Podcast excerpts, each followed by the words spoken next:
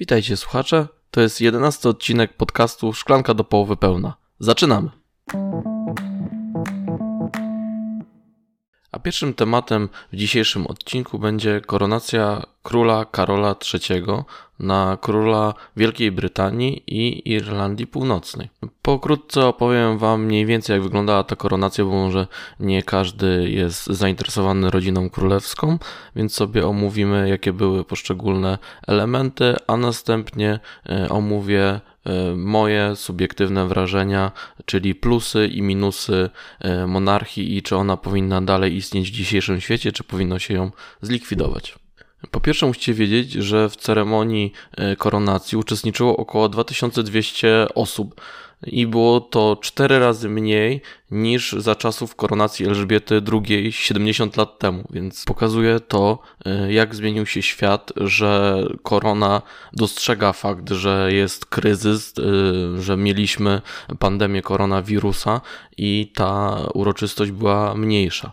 Drugim powodem może być też fakt, że e, Karol III no, nigdy nie prześcignie swojej matki w byciu rozpoznawalnym, w byciu lubianym e, przez różne skandale z młodości, e, a także po prostu taki styl bycia, mm, można by powiedzieć, nieprzystający do monarchii, jakiś taki dziwny, głupkowaty humor i różne wpadki. Więc należy zaznaczyć, że tych osób było znacznie znacznie mniej niż te 70 lat temu. Nasz kraj reprezentował nasz prezydent Andrzej Duda wraz z małżonką e, Agatą Kornhauser-Dudą. Otrzymali oni zaproszenie podobnie jak e, większość przywódców światowych. E, natomiast należy tutaj zwrócić uwagę, że zaproszenia nie przyjął prezydent USA Joe Biden, który oddelegował na tę okazję swoją małżonkę.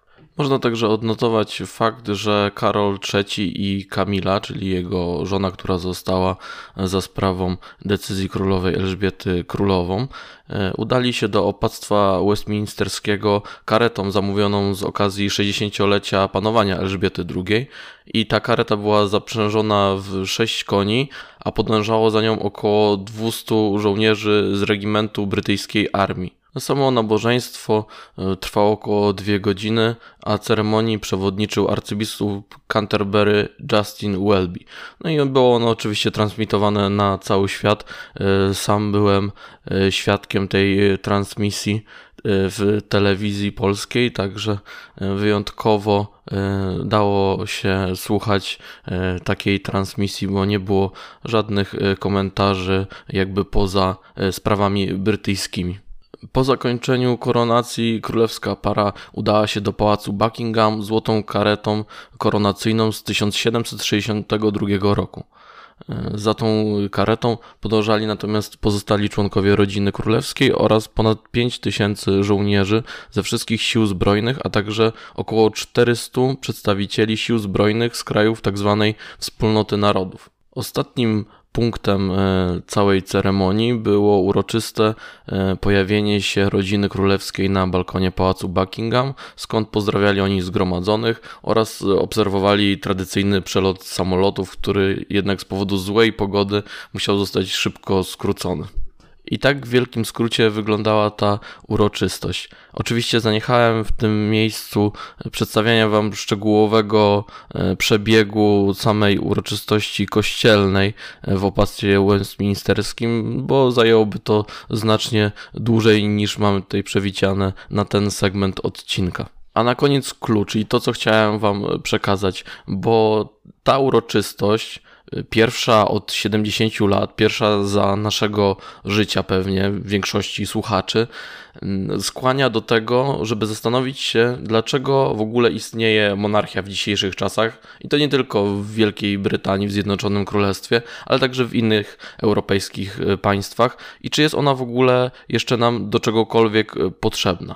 Tak więc najpierw przedstawię Wam e, argumenty za tym, dlaczego ta monarchia powinna pozostać, a później dlaczego powinna zniknąć, no i zachęcam do dyskusji. Po pierwsze, jeśli chodzi o monarchię brytyjską, to król jest nie tylko głową Zjednoczonego Królestwa Wielkiej Brytanii i Irlandii Północnej, ale także przewodzi wspólnocie narodów. I to są olbrzymie państwa, bo to jest Kanada, między innymi, e, albo Australia, RPA, więc y, są to kraje y, na całym świecie, na różnych kontynentach, które dalej traktują króla jako swoją głowę państwa. I jest to takie mm, spajanie tej wspólnoty, tych narodów, które no, pamiętają czasy kolonialne, ale także czują jakiegoś ducha wspólnoty, czują się razem jakoś silniejsze, mają wspólne wartości, wspólną historię, mają też jakieś swoje wydarzenia kulturalne czy wydarzenia sportowe, także wiele ich łączy i łączy ich właśnie ta osoba monarchii królowa Elżbieta, która e, non-stop odwiedzała właśnie te poszczególne państwa należące do wspólnoty narodów, właśnie była głową tego e, dawniejszego Imperium Brytyjskiego, a teraz głową właśnie e, tejże wspólnoty narodów. I taką też rolę prawdopodobnie będzie odgrywał jej syn, król Karol III. Ponadto król Karol III będzie także głową kościoła anglikańskiego, bowiem Kościół anglikański nie podlega pod y, papieża y, i ma właśnie swoją głowę kościoła i jest to monarcha. Czyli po Elżbiecie II właśnie Karol przejął schedę i on będzie głową tego kościoła, a więc także wspólnoty wiernych. Także ta wspólnota na pewno będzie wymagała od Karola, żeby ją reprezentował.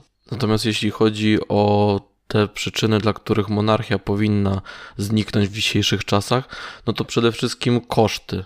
Koszty życia, koszty e, samego reprezentowania e, ludzi przez tych, e, przez rodzinę królewską, e, no, koszty utrzymania olbrzymich terenów, które należą do rodziny królewskiej. Wydaje mi się, że są w Wielkiej Brytanii na pewno ludzie, których no, nie satysfakcjonuje to, że ich podatki idą na utrzymanie rodziny królewskiej, która sobie jeździ po właśnie tych mm, państwach z wspólnoty narodów E, jako takie lalki, które są reprezentacją po prostu i wspomnieniem e, dawnego Imperium Brytyjskiego i te koszty są z roku na rok coraz większe. Także wydaje mi się, że to jest główny powód, dla którego e, jest wielu zwolenników, aby monarchię z Wielkiej Brytanii, ale także z innych państw usunąć, gdyż no, nie spaja się to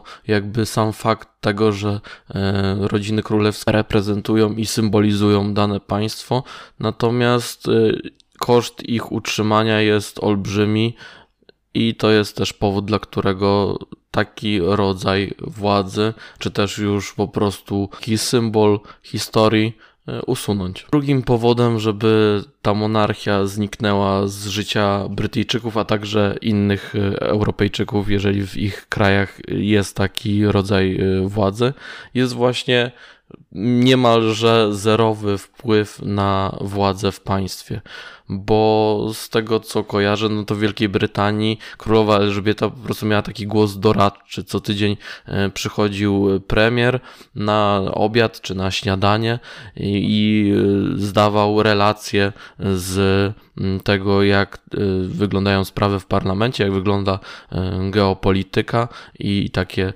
sprawy były dyskutowane. Natomiast czy to Elżbieta II, czy teraz Karol III, no nie mają już praktycznie żadnego wpływu na władzę. Oni są takimi symbolami tej poprzedniej epoki monarchii i nie mają po prostu żadnego wpływu na to, jak sprawy wyglądają dla takiego zwykłego, szarego Brytyjczyka. Więc y, skoro nie mają takiego przełożenia na realną władzę, to po co ich w ogóle utrzymywać? A ostatnim dla mnie powodem, dla którego monarchia powinna zostać zlikwidowana, jest przyczynianie się do podziałów w społeczeństwie. W dzisiejszych czasach naprawdę mamy wiele przyczyn, dla których y, no, ludzie są podzieleni. I czy to chodzi o religię, czy chodzi o zarobki, czy chodzi o poglądy jakieś polityczne i tak dalej. A tutaj jeszcze mamy właśnie kwestię e, takiej skostniałej instytucji z zamierzchłych czasów, czyli monarchii, rodziny królewskiej, która także ma swoich zwolenników i przeciwników i przyczynia się do kolejnego podziału w społeczeństwie. A drugim tematem dzisiejszego odcinka będzie hazard w internecie. Do tego tematu e, zainspirowały mnie niezliczone reklamy, które się wyświetlają, e, kiedy się ogląda jakiś sport na żywo, czy też w internecie na YouTubie lub w innych e, aplikacjach. I chciałbym Was przestrzec przed tym, e, jakie zgubne potrafi być właśnie e, przeświadczenie ludzi o tym, że mają swój los we własnych rękach, bo to oni decydują, jakie zakłady będą stawiać i gdzie będą grać. Po pierwsze, myślę sobie, że fajnie byłoby wspomnieć o fakcie, że kiedyś dużo ciężej było w ogóle e, grać e, w zakłady bukmacherskie, bo były tylko punkty stacjonarne, no i tam e, przy ladzie, jak się już wypisało wynik jakiegoś meczu, czy tam inne zdarzenia, no to jednak była możliwość weryfikacji wieku tego grającego, więc jeżeli ktoś był poniżej 18 roku życia, no to było to widać i pani przy ladzie mogła to jakoś powstrzymać. No i te punkty, mimo że w centrum takiego dużego miasta jak Szczecin no, były liczne, no to nie były na jakichś dalszych dzielnicach, żeby można było sobie e, pograć. Na przykład e, u mnie e, na Żelechowej ja nie kojarzę, żeby były takie punkty. Może i były, ale w okolicach mojego domu takich punktów nie było, więc nawet nie wiedziałem, że coś takiego jak te zakłady bukmacherskie istnieje i dopiero zetknąłem się z tym na studiach, kiedy się wyprowadziłem do centrum miasta i wynajmując właśnie pokój na blokowisku naprzeciwko stadionu Pogoni Szczecin, e, no właśnie mm, będąc z kolegami, studentami e, na jakimś tam piwie, to dowiedziałem się, że oni nie tylko oglądają sport na żywo, nie tylko chodzą właśnie na mecze między innymi Pogoni, ale także właśnie obstawiają te mecze, no i że to jest taki łatwy, szybki zarobek. Natomiast później okazało się, że właśnie te e, pewniaczki, czyli takie mecze, które, gdzie mamy przeważającego faworyta, no w, w moim przypadku najczęściej okazywały się przegrane. Więc y, ja po prostu zaprzestałem e, tego grania. Wydaje mi się, że no w miarę szybko.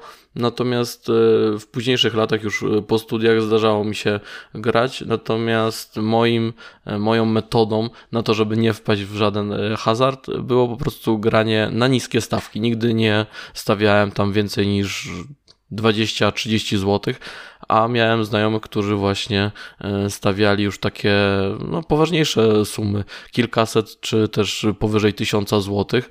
No i to już jest takie ryzykowne, no bo wiadomo, że jeżeli się już w pewnym momencie brakuje takiej adrenaliny przy tych niskich e, stawkach, no to można sobie wtedy zrobić e, przykrość, jeżeli się przegra taką stawkę wysoką.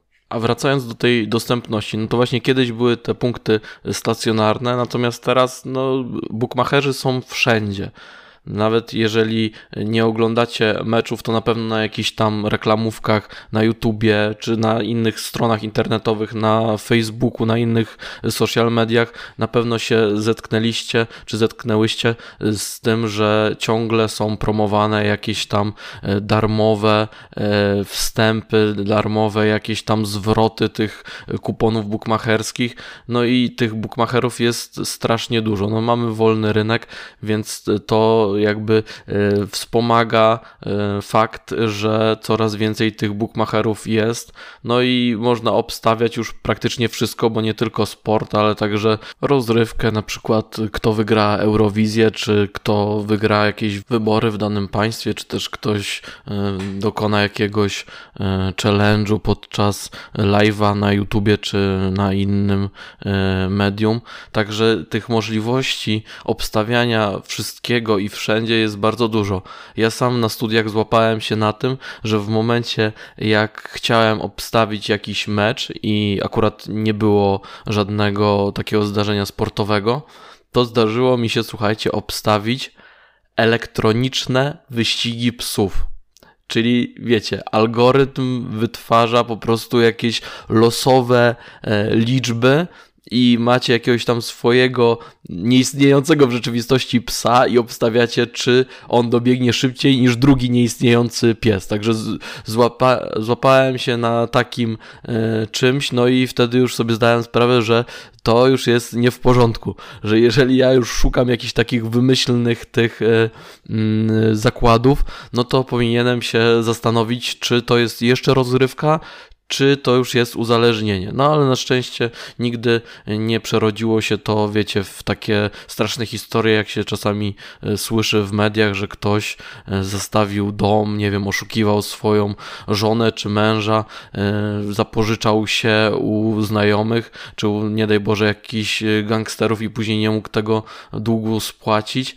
Tak więc przed takimi historiami Was bardzo przestrzegam, że jeżeli już y, gramy, obstawiamy sobie jakieś tam mecze, bo nie wiem, leci Liga Mistrzów, czy tam jakieś Mistrzostwa Świata czy Europy, lub w, no, w innych dyscyplinach jakieś wydarzenia sportowe, no to moją radą jest, aby obstawiać po prostu niskie stawki, wtedy to jest y, ciągle zabawa i rozrywka i nie ma y, płaczu, że się przegrało, a jak się wygra, no to jest y, przyjemny taki zastrzyk dopaminy. A wracając do takiego szerszego kontekstu, no to chciałbym zauważyć, że non-stop jesteśmy właśnie bombardowani zewsząd tymi zakładami bukmacherskimi, bo to nie tylko te reklamy w internecie, ale także to są e, reklamy w trakcie e, przerwy w zdarzeniach e, sportowych na żywo, w trakcie meczów i to i klubowych, i reprezentacji, a także w ogóle zakłady bukmacherskie stają się sponsorami drużyn piłkarskich czy tam in, w innych sportach. No i jest to, wydaje mi się, wielki problem. A ponadto, jak oglądacie jakieś czy to kanał sportowy, meczyki, czy inne kanały właśnie dotyczące tematyki sportowej na YouTubie, no to widzicie, że oni się utrzymują między innymi właśnie z takich umów sponsorskich z tymi właśnie bookmacherami i tam przedstawiają różne e, promocje, no i to nie wspiera jakby takiego trzeźwego stylu życia, a może właśnie spowodować, że ludzie, którzy są podatni na takie reklamy, no mogą się po prostu złapać na coś takiego i potem się wpędzić w e, no, uzależnienie, krótko mówiąc. Także e, uważajcie na siebie i grajcie w sposób odpowiedzialny. A trzecim tematem na dziś będzie mój problem, e, w związku z którym nie byłem w stanie przez dłuższy czas uraczyć Was nową serią, to znaczy szklanką pełną kultury a tym problemem było niekończenie książek i późniejsze wyrzuty sumienia. Nie wiem, czy wy też tak macie, ale ja od zawsze miałem tak, że jak zaczynałem jakąś książkę, no to koniecznie chciałem ją skończyć. I nieważne, czy ona była strasznie nudna, czy oceniłem książkę po okładce i miała super okładkę, a potem była jakaś y, o tematyce, która mnie w ogóle nie interesowała, czy porwałem się z motyką na słońce i zacząłem czytać książkę, której nie mogłem zrozumieć, czy to była książka po prostu tak nudna, że czytałem po kilka stron dziennie, ale koniecznie chciałem ją skończyć. I te wszystkie powody e, znajdują się właśnie w tym temacie, e, to znaczy e, w moim problemie niekończenia książek. I przedstawię Wam tutaj kilka powodów, dla których właśnie nie mogłem skończyć książek, a tym powodem, dla których je próbowałem mimo wszystko kończyć, były takie wyrzuty sumienia dotyczące tego, że no ileś tam czasu straciłem na to, żeby już tą część przeczytać, że straciłem czas na to, żeby wybrać tą książkę, albo straciłem czas na to, żeby pójść do księgarni i porozmawiać z księgarką, księgarzem, czy też bibliotekarką, bibliotekarzem na temat tej książki i ktoś mi tą książkę polecił, więc jeżeli ktoś mi taką książkę polecił, no to ona musi być yy, super, musi mieć jakąś wartość dodaną a ja może po prostu jestem za głupi na to, żeby taką książkę zrozumieć i jeżeli ją dokończę, to może mi się jakaś tam e, klamra e, kompozycyjna się zamknie i ja wtedy tą książkę zrozumiem.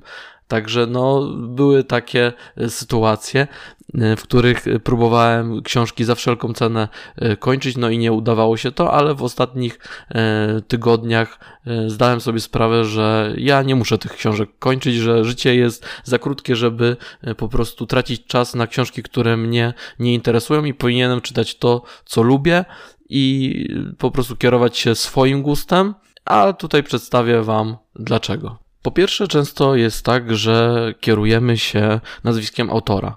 Ja w pewnym momencie miałem wielką fazę na książki Johna Grishama. Nawet dostałem w prezencie e, od żony e, książkę z autografem.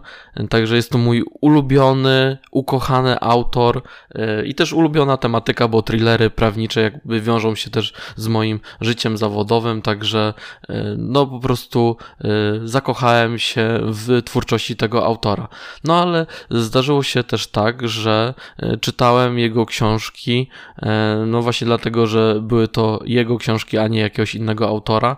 I słuchajcie, miałem taką książkę, która miała chyba z 600 stron. Już teraz nawet nie pamiętam tytułu, ale działa się jakoś w czasach e, około e, wojny w Wietnamie i po prostu była tak tragicznie nudna, tak tam się nic nie działo, a zakończenie było mega niesatysfakcjonujące. Ja cały czas myślałem, że uda się po prostu, że na koniec ta książka będzie miała jakiś plot twist i że to moje cierpiętnictwo, to czytanie po kilka stron dziennie właśnie y, na końcu się opłaci i że będzie jakaś super satysfakcjonująca końcówka. Nic takiego nie miało miejsca i to zdarzyło się już kilkakrotnie, więc y, teraz y, z większą rozwagą dobieram te tytuły, nawet tytuły właśnie Grishama, który jest moim y, ukochanym autorem i którego, słuchajcie, mega polecam. Na pewno jakaś książka Grishama pojawi się w szklance pełnej kultury. Ale autor to jedno, a co gdy o zgrozo jakąś książkę poleci ci ktoś, albo tobie bliski z rodziny, albo zaprzyjaźniony księgarz lub księgarka.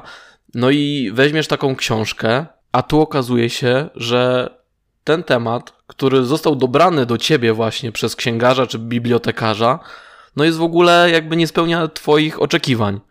No i też jest wtedy takie, wiecie, poczucie, że ktoś spędził czas, y, pokazał mi jakąś książkę, która w jego czy jej mniemaniu jest super, a tutaj nagle ta książka mnie w ogóle nie porywa i nie jestem w stanie tej książki dokończyć. I miałem tak parę razy, e, że wziąłem książkę z biblioteki, z rady, czy też właśnie od y, księgarza no i potem się okazywało, że ta książka mnie w ogóle jakby nie porwała, nie, ta fabuła nie interesowała mnie w taki sposób, żebym e, został w tą fabułę wciągnięty. Wiecie, jak to jest. Czasami są takie książki, które się e, czyta na raz, e, albo które się po prostu zabiera ze sobą wszędzie i się czyta je godzinami, bo się nie można oderwać od fabuły. Także no też miałem takie e, problemy. Mam nadzieję, że tutaj e, moja zaprzyjaźniona e, księgarka tutaj nie będzie na mnie zła, że z niektórymi książkami nie było mi za pan brat, ale jednak muszę przyznać wam, moi kochani, że większość książek, które są polecane właśnie przez profesjonalistów, czyli przez księgarzy, bibliotekarzy, osoby związane z literaturą, no, są to książki wartościowe i jest to na pewno e, ciekawy sposób na ubogacanie siebie, żeby właśnie się pytać o to, e, jakie są teraz nowości wydawnicze i po które książki warto sięgnąć, bo tych książek jest tak dużo, że czasami po prostu jesteśmy zalewani miernotą, a ci księgarze, bibliotekarze to są takimi właśnie żeglarzami na tych morzach książek i oni wyławiają te, które są naprawdę wartościowe. Następnym moim problemem jest to, że ja często czytam kilka książek naraz. Nawet teraz, właśnie przygotowując się do szklanki pełnej kultury, jedną książkę czytam na Kindlu, a drugą słucham w trakcie spacerów z Lucy. I czasami y, jest tak, że tych książek y, naraz staje się tyle, że o niektórych z nich zapominam. Po prostu. Mam kilka książek pozaczynanych na Kindlu. No i wiecie, fizycznie tego nie widać, więc jak Kindle sobie leży gdzieś tam na biurku czy na szafce przy łóżku, no to się zapomina o tym. A przynajmniej e, z audiobookami mam tak, że no chodzę regularnie na te spacery i kilka razy dziennie, więc te książki jakoś szybciej mi idą niż takie, które na Kindlu no trzeba przysiąść, zastanowić się. E, jednak trochę e, jest to większy wysiłek niż to samo słuchanie Także też przez to, że mam te książki i papierowe, i elektroniczne, i takie do słuchania, to czasami o niektórych zapominam i właśnie nie wiem, może też tak macie, więc dajcie znać. No i podsumowując, o co mi chodzi z tymi wyrzutami sumienia? No właśnie o to, że jak y, miałem ostatnio książkę, która miała być pierwszą książką właśnie w nowej serii Szklanka Pełna Kultury i była to książka y, Nagle Trup Marty Kisiel. E, nie polecam. Przynajmniej dla mnie humor zawarty w tej książce był e, mega taki nieśmieszny, jakby to jakiś wujek z wąsem opowiadał na weselu, a tą książkę e, sięgnąłem po nią dlatego, że była ona mega polecana, nawet nie tyle ten tytuł, co w ogóle ta autorka, przez autorów kanału YouTube'owego Strefa Czytacza. A że lubię ten kanał, podoba mi się styl, w jakim jest prowadzony, no to wziąłem tą książkę za namową właśnie jednego z e, autorów tegoż kanału. No i okazało się, że to mimo, że e, autor tego kanału mówił, że ta książka jest prześmieszna i że w ogóle e, sposób pisania, bo to jest literatura pisana przez polonistkę i że ten język jest taki kwiecisty i że to się tak ciekawie czyta i że nie można się oderwać od fabuły, no to właśnie ja odrywałem się non-stop.